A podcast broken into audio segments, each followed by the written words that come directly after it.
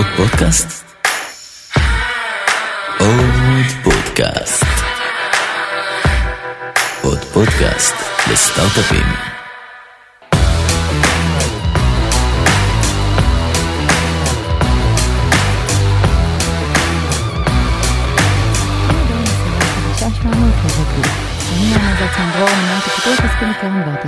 במסגרת העבודה היומיומית שלי עם חברות הפורטפוליו שלנו, ראיתי שלא מעט חברות בשלבי הצמיחה מתמודדות עם אותם כאבים, שלרוב גוזלים הרבה מאוד זמן ומשאבים. למרות שהרבה מכאבי הגדילה האלו חוזרים על עצמם, הפתרונות שלהם לא בדיוק מופיעים בגוגל או במדריך הסטארט-אפיסט המתחיל. ולכן בפודקאסט הזה נחקור בכל פרק כאב גדילה אחר, וננסה למצוא כלים פרקטיים ורעיונות להתמודדות אפקטיבית איתו. בפרק של היום נפגוש את תמי ברונר, שהצטרפה בתחילת 2019 לצוות ההשקעות שלנו בוורטקס כ executive in residence. לתמי ניסיון של למעלה מ-15 שנה בפיתוח תוכנה ובניהול מוצר, ולפני שהצטרפה לוורטקס שימשה כסמנכ"לית מוצר בחברת ורוניס, עוד מימיה כחברת סטארט-אפ, ועד להנפקתה בנסדק. שם הובילה את התכנון האסטרטגי, פיתוח קו המוצרים של החברה, וניהלה צוות של למעלה מ-40 איש. יחד נשוחח היום על אתגרים סביב ניהול המוצר בחברת סטארט-אפ צעירה. חשוב לנו להדגיש שאנחנו הולכות לדבר על סיטואציה שהיא טרום גיוס מנהל המוצר הראשון שלכם. כלומר, שיש עובד, עובדת או כמה עובדים שכמובן אחראים על המוצר, זה יכול להיות גם מנכ"ל או אפילו CTO, אבל אין כרגע בחברה מישהו שמוגדר כמנהל מוצר. נדבר היום על השיקולים שיעזרו לכם להבין יותר טוב מתי הזמן הנכון לגייס מנהל מוצר, אם בכלל, מהם השיקולים בבחירת הפרופיל של אותו אדם מבחינת ניסיון, seniority level ואספקטים נוספים, ועל מה אפשר ללמוד מחברות גדולות כמו ספוטיפיי וגוגל. אה, אז תמי, כיף גדול שאת איתנו היום. לפני שאנחנו צוללות לנושא המרתק היום, אה, תספרי לנו קצת על עצמך. בשמחה, כיף להיות פה. אז במשך כל השנים האחרונות עשיתי את התפקיד שלפי דעתי הוא הכי כיף ומעניין בחברה, וזה להיות אה, מנהלת מוצר. זה בעצם אומר להיות בכל מקום ובכל דבר. זה התחיל בשירות הצבאי, שעדיין שם לא קראו לזה ניהול מוצר, ואולי עדיין לא. ב-8200 קראו לזה פרויקטור. ובעצם ההבנה הייתה כבר אז שיש מוצר שמפתחים אותו, אבל לא כל כך בטוח מה הלקוחות צריכים. אז אולי נשאל אותם. ובאמת התחלתי לעשות את זה בצבא במשך אה, חמש שנים והתאהבתי בתחום. תוך כדי עשיתי את התואר השני שלי ושמעתי שם את המנמ"רית של הריבוע הכחול שסיפרה על כל המערכות מידע שיש לריבוע הכחול, זה נשמע לי מרתק. אמרתי וואו, חייבת להיות חלק מזה. ביררתי איזה חברה זאת, והייתה חברה ריטליקס. שלחתי להם אז מייל, כן זה עבד כך פעם, באמת הצטרפתי לריטליקס והייתי ה account manager של איקאה. למידה רבה על תרבות, איך תרבות משפיעה גם על הניהול מוצר, על הצרכים של הלקוחות, על מה חשוב ומה לא חשוב, לא תמיד הטכנולוגיה מנצחת.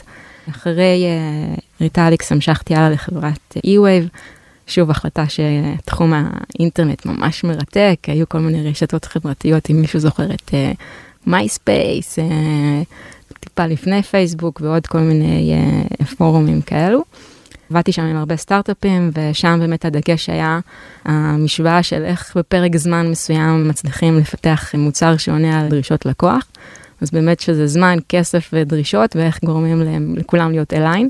ספוילר זה בדרך כלל לא מצליח, אז גם שם ניסינו לראות איך אפשר באמת לעשות אופטימיזציה לתהליכים כאלו, ואיך אפשר uh, לנהל ציפיות של לקוח. אחרי איבי נתתי לדרך עצמאית, עזרתי לכל מיני סטארט-אפים uh, בשלבים שונים, ואיך לא, הקמתי סטארט-אפ משלי בתחום של מובייל. קצת לפני עולם האייפון היו uh, כל מיני דינוזאורים. עולם של נוקיה ובלקברי, היו אז ג'ייטומי וסימבי, אני לא אכנס לזה, הייתה פרגמנטציה גדולה, אנחנו כמובן באנו לפתור אותה, ואכן פתרנו, אבל אז הגיע אייפון.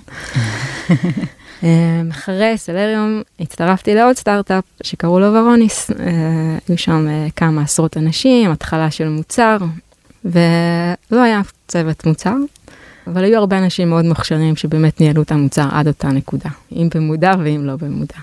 ונעשה fast forward כמעט תשע שנים קדימה, ורוניס היום חברה ציבורית שמונפקת בבורסה בשווי של מעל 2 מיליארד דולר, עם מעל 7,000 לקוחות, סל מוצרים מאוד רחב בתחומים שונים, כשצוות המוצר מונה יותר באמת מ-40 איש, ואחראי על תהליכים רבים בחברה. ובאמת אחרי תשע שנים רציתי להיכנס למשהו שהוא טיפה יותר רוחבי, שנוגע באנשים שונים, בטכנולוגיות שונות. אז עשיתי דיו דיליג'נס קטן על אה, עולם ה-VC והגעתי לוורטקס. כשהמטרה שלנו ביחד כאן היא שהנגיעה שלי תהיה בכמה עולמות, אחד באמת uh, לעזור איפה שאני יכולה לחברות פורטפוליו שלנו, במקומות שיש צורך לתת מהניסיון או לתרום מהניסיון. בעיקר להקשיב ולהבין מתוך דברים שכבר been there done that איך אפשר לעשות אותם, או אפילו רק איזשהו common sense שלפעמים אפשר להוסיף לקיים. אז זה נדבך אחד מהפעילות, ונדבך שני זה באמת העולם, כל העולם של ה deal flow. מציאת חברות, כשמגיעות חברות אז כבר להבין יותר טוב את העולם שלהם, איפה החוזקות, איפה החולשות, ולקבל את ההחלטה ביחד. אז בוא נתחיל מהשאלות שלנו היום. יאללה. נתחיל משאלה שאת בטח שומעת אותה מלא, או סיטואציה, scenario שאת שומעת אותו המון המון המון פעמים, יזמים מקימים חברה, מגייסים כסף או שלא, מתחילים לעבוד על מוצר, אה, מגייסים אנשי פיתוח, ובמוקדם או במאוחר אה, עולות כמה שאלות אלמותיות. השאלה הראשונה זה, מתי להביא product? מנהל מוצר או מנהלת מוצר, אם בכלל, אולי עניינים מתנהלים מספיק טוב, ואיך בכלל ניגשים לתהליך כזה? אז באמת קצת הופתעתי כשהגעתי, באמת להרבה מהחברות שלנו אין מישהו עם title אה, מנהל מוצר. כל פעם שהגעתי אליהם, התחלנו לדבר, אז זו הייתה השאלה שעלתה, רגע, אז מתי אנחנו בעצם צריכים להביא מנהל מוצר? אז קודם כל התשובה היא פשוטה, חברים, אתם מפתחים מוצר, אתם עובדים על מוצר, יש לכם מוצר, אז כנראה יש לכם ניהול מוצר. פשוט אין לכם מישהו שיש לו את הטייטל הזה. והאחריות של היזמים או המנהלים בחברה היא להבין מי כרגע מנהל את הפונקציות השונות של מנהל המוצר, מי עושה את זה בחברה, והאם הוא עושה את זה בהלימה לציפיות. אה, זה משהו שבאופן מודע צריך לבדוק. וזאת שאלה סופר קריטית. כולנו מכירים את הסטטיסטיקות של אה, סטארט-אפים. לטוב ולרע, יש אה, סקר של CB Insight, 42% נסגרים כי לא הגיעו ל product market fit, זה לא מפתיע אף אחד. ועוד כמעט 30% הגיעו כי פשוט נגמר להם הכסף. זה נתון מדהים. אז בהינתן שזה הנתון, אז צריך לשים את כל הפוקוס ואת כל הכוח על להגיע ל product market fit וכמה שיותר מהר. עכשיו, יש כל מיני שיטות לעשות את זה, היום העולם מאוד פתוח ואפשר לבדוק. לדוגמה, יש שיטה, מתודולוגיה שקוראים לה לין סטארט-אפ, היא אומרת, אל תפתחו במעבדה הרבה זמן ותחכו שהמוצר יהיה מושלם, תפתחו משהו, תצאו, תראו, תפתחו משהו, תצאו, תראו. זה סייקלים מתמידים של קבלת פידבק. אבל זו מתודולוגיה שצריך לדעת איך לנהל אותה, ואיך uh, לעשות אותה בצורה שהיא באמת תביא את התוצאות הנכונות. גם כשיוצאים ממוצר החוצה ושואלים שאלות, צריך לדעת איך לשאול את השאלה, ומה לשאול, ואת מי לשאול. צריך להבין את ה ecosystem של הלקוח, צריך להבין איזה עוד כלים אחרים הוא משתמש בהם, צריך להבין את התחרות. אז אם אתם מבינים את הכיוון שאני לוקחת, כל מי שעושה את זה בצורה מאוד טובה בדרך כלל זה בעצם מנהלי מוצר. ואם אנחנו מושכים אחורה ואומרים, בעצם, אם אתם רוצים להגיע ל product market fit מהר, תוודאו שיש לכם מישהו שעושה את זה, מישהו שהולך בערב וזה מה שיש לו בראש. איך מגיעים ל product market fit ואיך עושים את זה מהר, איך עושים את ה priority, וקם בבוקר עם אותה שאלה. וזה המנהל מוצר שלכם. ואתם צריכים לוודא שהוא יהיה מהיום הראשון בחברה. יש נניח איזה קבועי זמן מסוימים שאת אומרת כדאי לעצור עכשיו ולהסתכל, כדאי לשאול, זאת אומרת, זו שאלה שהיא מאוד דינמית, נכון? וצריך לשאול אותה. הרבה פעמים לא פשוט מעט. בשלבים הראשונים זה המנכ"ל עושה את זה, זה ה-CTO עושה את זה, זה מישהו עושה את זה, וזה בסדר גמור, הוא יכול לעשות את זה, ולפעמים הוא עושה את זה באמת בצורה הכי טובה, כי הוא all in, הוא חשב על זה, הוא חלם על זה, זה ה baby שלו, וזה בסדר. אבל לאט לאט ככל שהסטארט-אפ מתקדם, ונכנסים עוד גורמים, ויש גיוסים, ויש אנשים, ויש business, ויש לקוחות, ויש נסיעות, ולאט לאט ה attention... מה product קצת יורד. מה product קצת יורד.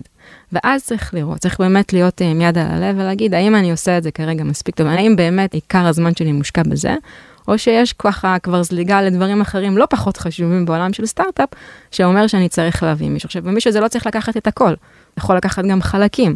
אבל שוב, זה צריך להיות בצורה שהיא מודעת ומושכלת, ובצורה שהיא מאוד סטרקצ'ר. מי עושה מה? אוקיי, אז נלך שנייה צעד קדימה, אז החלטנו שכן צריך לגייס מנהל או מנהלת מוצר לחברה. איך בכלל מחליטים אה, מה הפרופיל שצריך? אה, שאלה טובה. אז באמת אם אה, עושים אה, גוגל ניהול מוצר, יש איזה דיאגרמת ון ככה קצת נדושה, שרואים בה שלושה עיגולים. העיגולים זה UX, ביזנס וטכנולוגיה, וגוגל מראה לנו שאנחנו ככה ממש באמצע, ב- בשילוב של שלושת העיגולים האלה. עכשיו המצב לא תמיד כזה, המציאות היא הרבה יותר מורכבת, ויש מנהלי מוצר שבאים באמת אה, מפרופילים שונים. וזה תלוי מאוד באופי החברה, במצב של החברה. אבל היה מחקר מאוד גדול של מקינזי לפני שנתיים, שבאמת ניסה לבדוק מה הפרופיל של מנהלי מוצר. אה, אז הם ראיינו 100 מנהלי מוצר מחברות שונות אה, ושונות, והמחקר שלהם מצא הלימה בין הפרופיל של מנהל המוצר ובין אופי המוצר.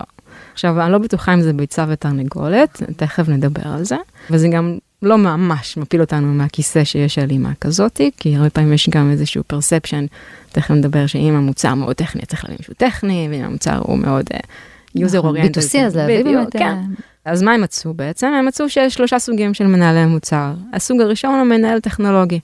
זה מישהו שקם וחולם על טכנולוגיה, הוא טק סאבי לחלוטין, כנראה שגם יש לו איזשהו רקע מאוד חזק בעולם הטכנולוגי.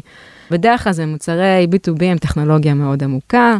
מנהל כזה תמיד יעדיף לקחת סיכונים טכנולוגיים על פני איזה שהם רעיונות מגניבים שיכולים להוסיף איזשהו קולנס למוצר. הוא ימדוד את עצמו לפי כל מיני פרמטרים טכנולוגיים, על פרפורמנס, על סקלביליטי, על איזושהי התקדמות טכנולוגית ואדג' טכנולוגי שיש לו על פני המתחרים. מישהו שממש חי ומכיר טכנולוגיה ומכיר את ה-behind the scene ממש טוב. החברות שהם שמו תחת הקטגוריה הזאת זה נגיד אה, VMware ואמזון. לא מפתיע. מאוד לא. המנהל השני קראו לו ג'נרליסט, שזה שם אולי קצת אה, כוללני. כולל. אה, בעצם אם אנחנו ננסה לדייק את זה, זה מישהו שהוא יותר user oriented. עכשיו המנהל מוצר הזה הוא גם איש טכנולוגיה, טכנולוגיה לא זרה לו, אבל יש לו עוד שני אספקטים מאוד חשובים ב-day to day שלו, וזה ה business והלקוח הקצה. המנהל הזה, הפוקוס שלו זה בדרך כלל ה user. והמוצרים הם בדרך כלל באמת מוצרי B2C טיפה יותר מורכבים, או B2B עם ממשק ויזואלי שיש לו משמעות וחשיבות גדולה. והמנהל הזה בודק את הביצועים שלו לפי מטריקות של שימוש במוצר. כמה השתמשו דוגמה? בפונקציות מסוימות, כמה נכנסו, כמה זמן הם נשארו בתוך המוצר, מה הסטיקנס של המוצר. כל דבר שמעיד על אופי שימוש. יש אין ספור אה, מטריקות. כמה מבזבזים. הם. מבזבזים, תכף נדבר על זה, זה המנהל הביזנס. אני מגיעה אה. מביזנס, אז זה לא... לגמרי. אז דווקא הג'נרליסט, כן. אולי זה בתור אחת שכנראה, אם אני אנסה לקטלג את עצמי, אז אני הייתי שם, תחת הניהול הכוללני של הניהול מוצר. הרבה פעמים כשיש אה, גם טכנולוגיה וגם לקוח וגם business, בדרך כלל ה business קצת נותר לו בצד. וצריך כל הזמן להזכיר שאנחנו לא מלכ"ר, אנחנו לא עושים דברים כדי שהפיצ'ר יהיה מגניב והמוצר יהיה ממש טוב, אנחנו בסוף אה, חברה עסקית שצריכה להראות שורת רווח שגדלה. אבל הג'נרליסט הוא בעצם, הוא חי משימוש, מ usage, מכמה אוהבים את המוצר, מכמה משתמשים בו, מכמה מגבירים את השימוש במוצר. כאן שמו חברות כמו לינקדאין ופייסבוק. כן, זה B2C, אה, אבל יש גם פה חברות שהן תחת אמזון שהן טיפה יותר user oriented, ואמזון היא באמת נמצאת גם תחת הטכנולוגי וגם תחת הג'נרליסט. ואז נשאר האחרון, שהוא המנהל הביזנס. זה באמת מישהו שבא עם אוריינטציה מאוד עסקית, הוא רוצה לראות, כמו שאמרת מקודם, רכישות, in-app purchase, downloads, זה מה שמעניין אותו, לפי הפרמטרים האלה הוא נמדד, והוא מנסה למקסם את המטריקות הפיננסיות. יש לציין שבדרך כלל בארגונים כאלה יש עוד גוף, חוץ מצוות המוצר, שהוא אחראי על חלקים האולי יותר יצירתיים במוצר, אני אסביר. לדוגמה, חברות של משחקי מחשב או משחקי מובייל. הצוות מוצר הוא לא בהכרח זה שיוצר את המשחקים. הם יוצרים את הפלטפורמה, הם יודעים איך לגשת ללקוח, הם יוצרים את הספרייה שממנה מורידים, המשחקים עצמם היצירתיים, יש צוות קריאיטיב שעושה. אז פה טיפה ככה נוצר המנעד בין ה business ובין היצירת תוכן המאוד קריאיטיב. חברות תחת ה business, נמצא את Zynga שזה לא מפתיע, שזה באמת חברה מהסוג הזה, ו Salesforce, שזה אולי קצת מפתיע, כי נכון, אולי איך, Salesforce... באמת. אז Salesforce כנראה ארגון שמאוד מונחה business, וזה יפה, אולי זה מסביר את ההצלחה הגדולה. אה, באמת שראיתי את זה קצת אה, הופתעתי, אבל אני חושבת שאולי ה mindset של מנהלי המוצר שם, שכשהם מוסיפים פיצ'ר, הם חושבים קודם כל איך זה עוזר לשורת רווח הסופית של Salesforce, וזה לא נאמר בצורה שלילית, כן? ולא איך זה מוסיף value ל product או לפיצ'ר, זה כן, ה mindset לא שלהם. החוויה יותר, בדיוק. וברגע שאתה שואל את עצמך כמנהל מוצר, מה השורה התחתונה של כסף ולא איך המוצר נהיה יותר נוח וטוב לשימוש, אז אתה בעצם מוגדר תחת הקטגוריה כן, זה הזאת. מאוד משנה את הסדר קבלת החלטות. לגמרי. אז אם דיברנו בעצם על קבלת החלטות, שלושת הסוגים האלה של מנהלי מוצר, הם באמת התהליך של קבלת החלטות שלהם. תהליך של הבאה ל product market fit יהיה טיפה שונה. כל אחד ימקסם מטריקות שונות ויחשוב שהוא הגיע ל fit שלו בצורה אחרת. כשאמרנו את כל זה, זה הכל טוב ויפה. כמובן ששלושת האזורים האלה חופפים. מנהל מוצר שהוא מאוד business, אבל הטכנולוגיה של המוצר שלו היא על הפנים, ביצועים לא טובים, החוויית משתמש היא לא טובה, אז כנראה שגם ה business יהיה לא טוב, וחוזר חלילה, כל אחד מושפע מהשני. הפרופיל הזה הוא פרופיל שיותר אומר מה קובע לך באמת ההחלטות שלך, מה מנחה אותך ב-day to day שלך, אבל אני מתארת לעצמי שכל אחד מהם כן נוגע בשני הנדבכים הנוספים שיש שם. מעניין, אז בעצם יש גם סוגים שונים בעצם של אנשים, אוריינטציות שהן קצת שונות, ובואו נדבר קצת אולי על ה skills שצריכים להיות לאותו אדם. בדגש כמובן לחברות סטארט-אפ. אה, אז יש בעצם את האוריינטציה שלו, שדיברנו על כמה סוגים, איזה skills כדאי שמראיינים בן אדם כזה, אז להרגיש ש... שנמצאים שם. אז אני באמת אה, הכי מאמינה ב skills, אה, זה הדבר הראשון אצלי בכל ראיון, בכל תהליך קבלה של מנהל מוצר חדש, זה הדבר הראשון שאני דאגתי שיהיה בהלימה למה ציפיות שלי. עכשיו שיש הבדל בין skills שאתה מחפש בסטארט-אפ ובין skills בחברות טיפה יותר בוגרות, אז אני עכשיו אתמקד ב skills בסטארט-אפ. ומזכירה שוב, שהתפקיד של מנהל מוצר בסטארט-אפ זה להביא ל product market fit מהר. יש שלושה דברים שאני רואה אותם כקריטיים, שהם בעצם ה must לפני שמתקדמים עם אותו בן אדם כמנהל מוצר. התכונה הראשונה זה מישהו שהוא hands on. אתה סתם סטארט-אפ, יכול להיות שהבאתם את אה, אלוף העולם בניהול מוצר, היה VP, היה Chief Product, מלא תארים.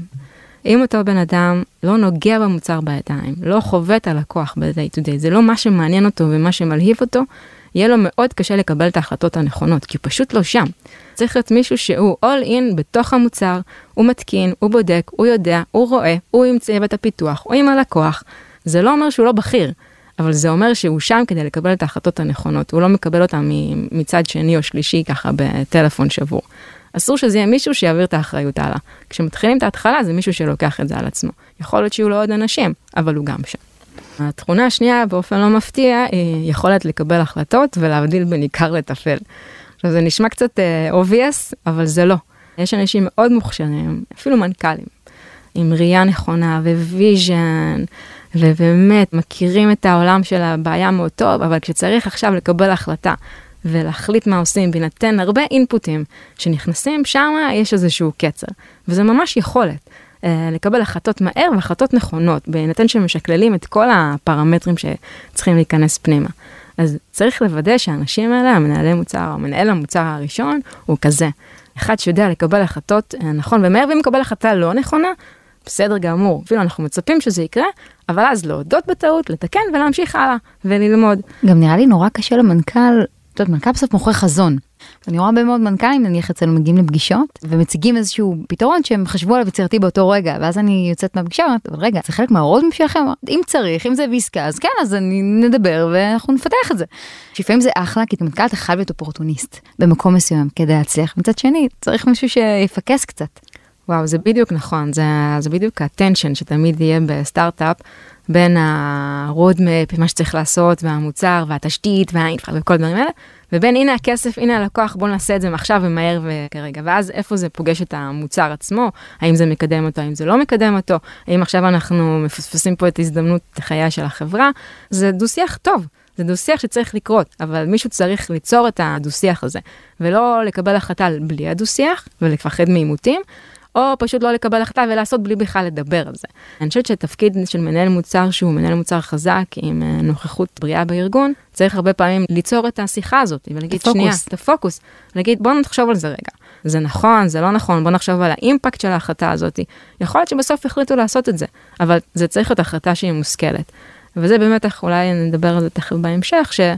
tension תמיד יש בסטארט-אפ, יש מלא החלטות שמתקבלות ולפעמים המנהל מוצר, אולי כמו שאמרנו קודם, קצת חושב יותר על המוצר ועל התכנון שלו ועכשיו המנכ"ל בא עם איזה לקוח והורס לו את הכל.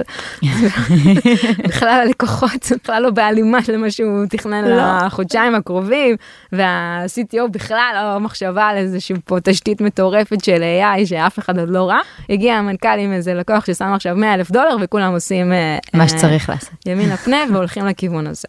וזה בסדר, ועושים את זה, אבל צריך להבין את ההשלכות של זה, ואיך מתקדמים uh, מאותה נקודה הלאה. אז היינו באמת בסקילס. אה, בשילוש הקדוש. בשילוש, אז היינו באנד זון, מישהו שככה נוגע, עושה, uh, אוהב את זה, מישהו שיודע לעשות הבחנה בין עיקר לטפל.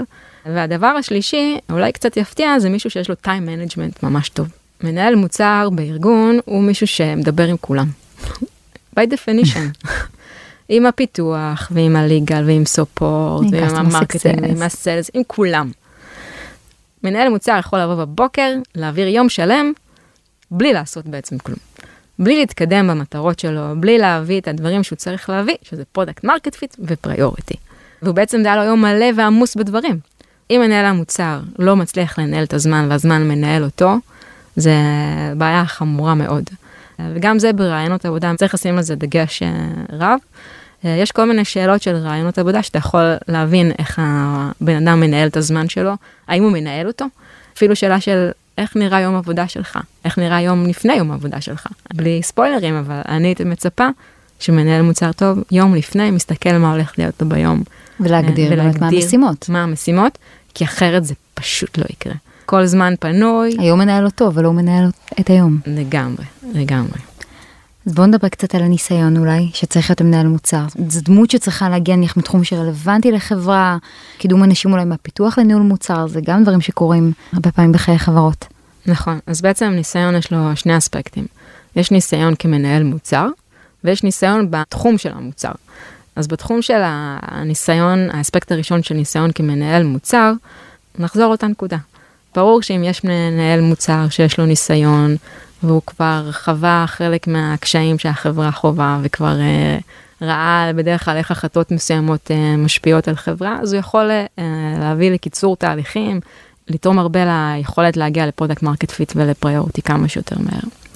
צריך לזכור גם שסטארט-אפ הוא גוף מאוד רזה, ובהתחלה צריך להיות מאוד מפוקסים ולפתור בעיות מאוד מסוימות. וגם פה הרבה פעמים מנהלי מוצר שהם יותר צעירים, טיפה יותר הולכים רחב, טיפה יותר מפנקים בעוד יכולות, בעוד פיצ'רים, ושוכחים את הדברים של שוב, את היכולת קבלת החלטות, את העיקר ואת הפל ואת הפוקוס. אז זה ניסיון מביא את זה הרבה פעמים לשולחן וזה חשוב. אבל המצב לא תמיד אופטימלי, ובתור סטארט-אפ קטן, לא תמיד אפשר למצוא את המנהל המוצר שכבר uh, היה וחווה ומביא איתו את כל הניסיון שבאמת צריך, ואז יש כל מיני אופציות.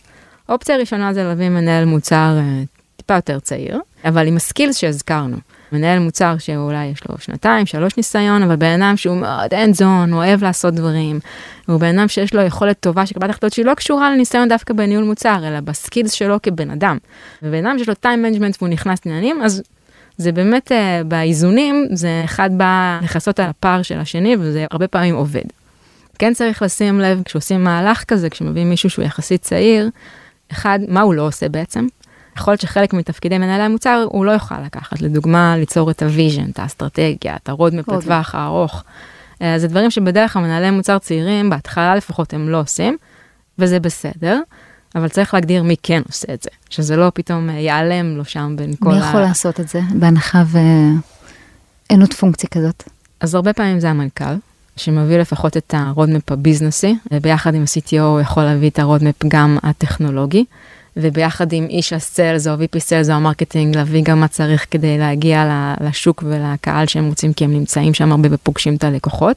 הייתי כן מצפה ממנהל המוצר, גם אם הוא צעיר, לשבת ולשמוע ולראות ולחוות, ולקבל את האינפוטים מכל האנשים הרלוונטיים בארגון, ומשם ליצור את ה roadmap, אבל זה ביחד עם הבאמת פונקציה שהגדירו. זה יכול להיות מנכ"ל, זה יכול להיות COO, זה יכול להיות VP strategy, יש כל מיני uh, תפקידים בארגון שיכולים לתמוך בזה, אבל צריך להבין מי עושה את זה. ויש עוד עניין בתחום שכשמביאים מנהל מוצר ללא ניסיון, זה בעצם ה priority. אמרנו שמנהל מוצר צריך להביא product market fit ולשמור על ה priority. לפעמים זה קצת קשה שמביאים מישהו שהוא לא בכיר, priority אין מה לעשות, זה, זה שוב נכנסים לתחום הזה של tension. אה, מי קובע, מי אומר, איך קובעים, אה, מישהו שהוא צעיר, אפילו מישהו שהגיע מתוך הארגון, עכשיו שצריך לקבוע את ה priority מול ה-VP-R&D, זה לא תמיד עובד. התפקיד של המנכ"ל, או כל מי שבעצם המנהל של אותו מנהל מוצר, להבין איך הוא גורם לזה, שבאמת תהיה שיחה נכונה וטובה על priority, בלי לתת לחוסר seniority של אותו מנהל מוצר, להכתיב את ה priority. יש הבדל אגב בין uh, מנהל מוצר שהגיע מחברת B2B או B2C וגם אם יש תחומים נניח שניסיון רלוונטי באותו תחום זה כן חשוב זה כן מהותי. נכון, אז, אז באמת דיברנו על החלק של הניסיון כמנהל מוצר, ואז מגיע החלק השני. האם יש לך ניסיון בעולם בו המוצר אה, נמצא? אם זה B2B ו-B2C, מקומות גיאוגרפיים שונים. נכון, retail, אה, סייבר. בדיוק, ורטיקלים שונים. אז בדרך כלל כן מנסים למצוא מישהו שמגיע מהתחום, אבל אני יכולה להגיד שדווקא בתור אחת שהייתה ב mobile וסייבר ו retail, וסטארט-אפים שהיו באמת בכל מקום, אני חושבת שוורסטיליות יכולה הרבה פעמים להוסיף ולפתוח את כיווני המחשבה ויציאה לפעמים איזשהו קונספשן מסוים בניהול המוצר. אז אם זה מנהל המוצר היחיד אה, בחברה, אז אולי כן כדאי שהוא יהיה מהתחום, אבל אני ממש לא חושבת שזה must. אני יכולה להגיד שאני בכל מקום שהגעתי אליו לא היה לי שום ניסיון רלוונטי בתחום, ויש הרבה חפיפה בעולם של ניהול מוצר ללא קשר לתחום עצמו. ומנהלי מוצר שהם uh, מבינים את המהות של הניהול מוצר, יכולים uh, פשוט להשתמש ביכולות האלה ולהבין את המוצר uh, בצורה מהירה. אבל מה ששאלת זה קצת מעניין, כי זה אולי קצת מחזיר אותנו לשאלה הקודמת. לפעמים לא מוצאים מנהל מוצר, וגם לא מוצאים מנהל מוצר צעיר. ואז יש קידום בתוך החברה. מוצאים מישהו שהוא לא מנהל מוצר, אבל הוא מכיר את המוצר, או הוא מכיר ממש טוב את הלקוחות, או איך שהם משתמשים. וגם הוא מישהו שיכול להיות מועמד טוב להיות אה, מנהל מוצר, וזה פערים שמגשרים אחד על השני. אז הוא לא מנהל מוצר, אבל הוא מכיר את המוצר טוב, מכיר את התחום טוב, מכיר את הלקוחות, ואז צריך לעשות איזשהו גישור על פער של ניהול מוצר. הכל חוקי, רק צריך uh, to manage it, וזה לפעמים מצליח uh, מעל ומעבר, זה גם אופציה בגיוס. נכון, גם נראה לי שדיברנו קצת באחד הפרקים הקודמים בפודקאסט, אבל במידה וקידמתם מישהו מתוך החברה או הבאתם מנהל מוצר שאין לו הרבה ניסיון, אז זה גם, זה אחריות שלכם לקדם אותו, זה אחריות שלכם גם לתת לו להצליח, וכדאי אולי לתת mentorship, אם זה מחוץ לחברה או אנשים שעובדים, אמ, קצת כדי לתת באמת כלים ו- ולתמוך, שיהיו שם אנשים שיעזרו לו כשצריך וקצת לתת ידע. גם שאלה עוד בטח שעולה המון פעמים זה האם product צריך להגיע מרקע טכני והרי יש כמה סוגים של product אולי נדבר על זה קצת יש נכון product owner ו product manager ו... נכון. תמי תעשי לנו סדר. אז uh, באמת בכל מקום שהייתי בו, רגע המנהל מוצר הוא צריך להיות טכני. uh, ניסיתי להבין מה, מה זה אומר כשהוא טכני. אז ברור שזה לא איזה תשובה בינארית, אתה טכני ואתה לא טכני. אה, פנים רבות לטכניות הזאת. אה, אז אני אגיד מה שאני יודעת ובואו נראה איך זה מקדם אותנו במענה על השאלה. מנהל המוצר הרבה פעמים הוא בעצם הברידג' בין החלק הטכני בארגון ובין הביזנס. ובתור ברידג' שכזה, אה, הוא צריך לדעת לדבר את שני העולמות. אז זה אומר שהוא צריך להבין את העולם הטכנולוגי, והוא צריך גם להבין את העולם הביזנסי. עוד דבר שאני יודעת, ואני הרגשתי בשנים האחרונות כמנהלת מוצר, שצריך להיווצר איזשהו trust בין מנהל המוצר לאנשי הפיתוח. בעצם אלה האנשים שמנהלי המוצר עובדים איתם הכי הרבה, הם בעצם הלקוחות של מנהלי המוצר הרבה פעמים. אז יכול להיות שיגיע מנהל מוצר שפשוט לא יבין איך המוצר עובד, ונקרא לזה איך הטכנית של המוצר עובדת. ויכול להיות שהוא בן אדם מבריק, אבל במקרה הזה יהיה קצת קשה ליצור את הטראסט בין צוות המוצר לצוות הפיתוח. אז כדי באמת להיות ברידג' אמיתי וגם ליצור את הטראסט עם צוותי הפיתוח, אני חושבת שכן צריכה להיות הבנה טכנית. זה לא להיות טכני, זה הבנה טכנית, ויש הבדל בין שני הדברים האלה. זה צריך להיות מישהו שלא מפחד מלהבין דברים ולא מפחד להסתכל, ואפילו מבין שהטכניות זה משהו שהוא יכול להשתמש בה לטובת הלקוחות שלו. אם הוא יבין איך המוצר עובד behind the scene, יכול להיות שייתן לו עוד רעיונות לפיצ'רים, יכול להיות שיש כאן, היינו קוראים לזה quick wins. וואו, יש פה ממש הזדמנות לעשות פה משהו אה, ממש אה, מהיר וקל, שיכול לתת בנפיט ענק ללקוחות. אבל צריך להבין, צריך לא לפחד וצריך לגשת ולהסתכל. יש עוד אספקט לעולם של הטכני, וזה למה מישהו שהוא יותר מדי טכני, בעצם אולי זה קצת יכול להיות אה, משהו שצריך לשים לב אליו, ויכול להיות לרועץ למנהל מוצר אם הוא לא מנהל את זה. ראינו הרבה פעמים שכשהגיעו אנשים שהם היו מאוד טכניים, בעצם תוך כדי המחשבה על צורך של הלקוח, איזשהו requirement, איזשהו goal שניסינו להגיע אליו, הם היו כבר משלימים את הלופ בעצמם, הם היו חושבים על הצורך, חושבים על הפתרון, מגיעים למסקנה שפתרון הוא מאוד מסובך טכנולוגית, ייקח מלא זמן, ופשוט סוגרים את המעגל ואומרים, טוב, אז לא נעשה את זה, עם עצמם. הם לא היו מביאים את זה לשולחן הדיונים, לא היו יוצרים בכלל את הדו-שיח הזה, כי תוך כדי המחשבה על הצורך, הם כבר ערבבו את זה יחד עם ה solution. הם כבר היו בראש של הפיתוח. בדיוק. וזה ממש חבל, זה אסור שזה יקרה, גם הרבה אנשים מה product, מצוות המוצר, הם הגיעו ועשו את התהליך מהפיתוח, אבל כשעושים את זה צריך להיות מאוד במודעות, לא לחשוב על ה solution הטכני ותמיד לסמוך על הצוות הטכנולוגי בחברה, שיכול להביא רעיונות אחרים, יכול להביא כל מיני דברים שאולי לא חשבנו עליהם, וחייבים להביא את זה לדיון, לא לפתור את כל המשוואה הזאת אה, בעצמנו. אז אה, זה מקום למה מישהו שהוא over טכני יכול להקשות על צוות מוצר. עכשיו בא החלק של ה product manager ו product owner.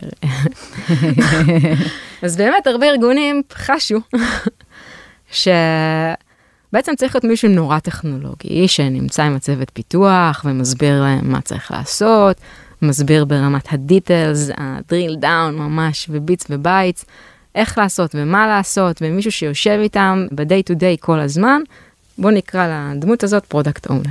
מצד שני צריך מישהו שיפגוש לקוחות, שיבין מה קורה בשוק, שיבין מה המתחרים עושים, שיבין מה הפרטנרים רוצים, ואז לדמות הזאת קראו product manager. ובעצם נוצרה חלוקה של inbound ו outbound, כשה product owner הוא מאוד אינבאונדי, הוא נמצא עם הפיתוח, מכיר את כל הכאבים, מכיר את כל התלונות שמגיעות מהלקוחות, מכיר את כל הבאגים, הוא שם, הוא נמצא שם ב day to day. ואז יש את הדמות השנייה שנמצאת בסובב, בעוטף, בכל ה outbound. ואז מה קורה כשיש את החלוקה הזאתי? אה, שני הדברים שדיברנו עליהם בהתחלה לא קורים. ה trust וה bridge. בעצם אין פה ברידג'. יש אחד שהוא הטכנולוג, ויש אחד שהוא ה business. אין אחד שבאמת מבין את שני עולמות כמו שצריך, ואז גם נשבר ה trust. ה product owner שהוא ב inbound חושב שה product manager בכלל לא מבין מה קורה בעולם של הפיתוח, הוא לא שם, הוא לא מבין את הקושי, הוא כל הזמן מביא כל מיני דרישות, הוא בכלל לא מבין את המשמעות של זה ואיפה הם נמצאים. מצד שני ה product manager מאוד מאוכזב, כי הוא כל הזמן מבקש דברים וזה לא עושים כמו שהוא רוצה, זה מאוד מזכיר את כל הקריקטורות המאוד ישנות של אה, ניהול מוצר בעולם של שיטת ה waterfall. וכך נוצר הפער, נשבר הגשר ואין trust. עכשיו אני מגזימה כי אני פשוט מאוד אה, מאוד לא מאמינה בזה, אבל אני חייבת לציין, לפעמים באמת צריך להיות מישהו שיהיה ממש ב-day to day עם הפיתוח, לפעמים גם זה עניינים גיאוגרפיים, צוות הפיתוח ענק, יושב בארץ, הלקוחות יושבים בחו"ל, לאו דווקא חו"ל שהוא תמיד אה, קרוב וזמין, אז יש כל מיני שיטות שונות להתגבר על זה. אבל מה שאני כן רואה בשנים האחרונות שהרבה חברות מאוד גדולות, זה בדרך כלל חברות גדולות שעבדות בצורה הזאת, גם הן התחילו לצמצם את הפער ולהקטין את המנעד בין ה-outbound ו-inbound, עושות יותר את הגישור בין שני התפקידים האלה, מתוך ההבנה שזה לא תמיד מביא אותם לתוצאות הרצויות. אז בסטארט-אפים, כמו שאני מבינה, לרוב לא תהיה חלוקה הזאת, נכון? אני ממליצה בחום, אה, בתפיסה הסובייקטיבית שלי, אה, להימנע, כי אותו בן אדם חייב אם אתם רוצים להגיע ל product market fit והוא גם זה שמקבל את ה priority ב day to day מול צוות הפיתוח, הוא חייב להבין את הלקוחות, הוא חייב להיות שם, והוא גם חייב לעשות את ה priority. עכשיו, יכול להיות שנגיד איך אותו בן אדם יכול להיות גם פה וגם פה, אז קודם כל אפשר. מניסיון. מניסיון, והוא לא חייב להיות 24/7 מול צוות הפיתוח, ויש דרכים נוספות לתקשר, ולאט לאט באמת כשהצוות גדל, בעצם יש עוד אנשים ויש את החלוקה ביניהם, החלוקה היא לא אתה inbound אלא אתה outbound, אלא מישהו עושה x אחוז inbound ו-y אחוז outbound והפוך, וזה משתנה לפי הצרכים של החברה, לפי השינויים של הלקוח. הטייטלים של המנהלי מוצר לא יהיו inbound ו outbound, אלא יהיו product manager, והחלוקה הפנימית צריכה להיות לפי הצורך. הרבה פעמים זו חלוקה יותר ניהולית ובאמת של ניסיון ולאו דווקא של inbound ו outbound. אז דיברנו בעצם על הסיבות והטיימינג הנכון לגייס מנהל מוצר ראשון לחברה שלכם, על סוגי מנהלי מוצר והתכונות הקריטיות והניסיון שצריכים להיות לאותו מועמד או מועמדת. בשלב הזה אנחנו נמשיך את השיחה בחלק ב' של הפרק. אז נגיד בינתיים תודה למאזינים שלנו, ל Google for Startups על האירוח, תום וגיא, אה, ולכם אה, אה, שהייתם איתנו, ונתראה בחלק השני של הפרק שלנו, בואו נתמקד יותר בהגדרת תפקיד מנהל המוצר, איך חברות ענק כמו ספוטיפיי וגוגל מגדירות ניהול מוצר ומה גם חברות קטנות יכולות ללמוד מהם, ועל איך שיטות העבודה של הפיתוח יכולות להשפיע על מהירות ההגעה ל product market fit וקביעת ה priority. אז תודה.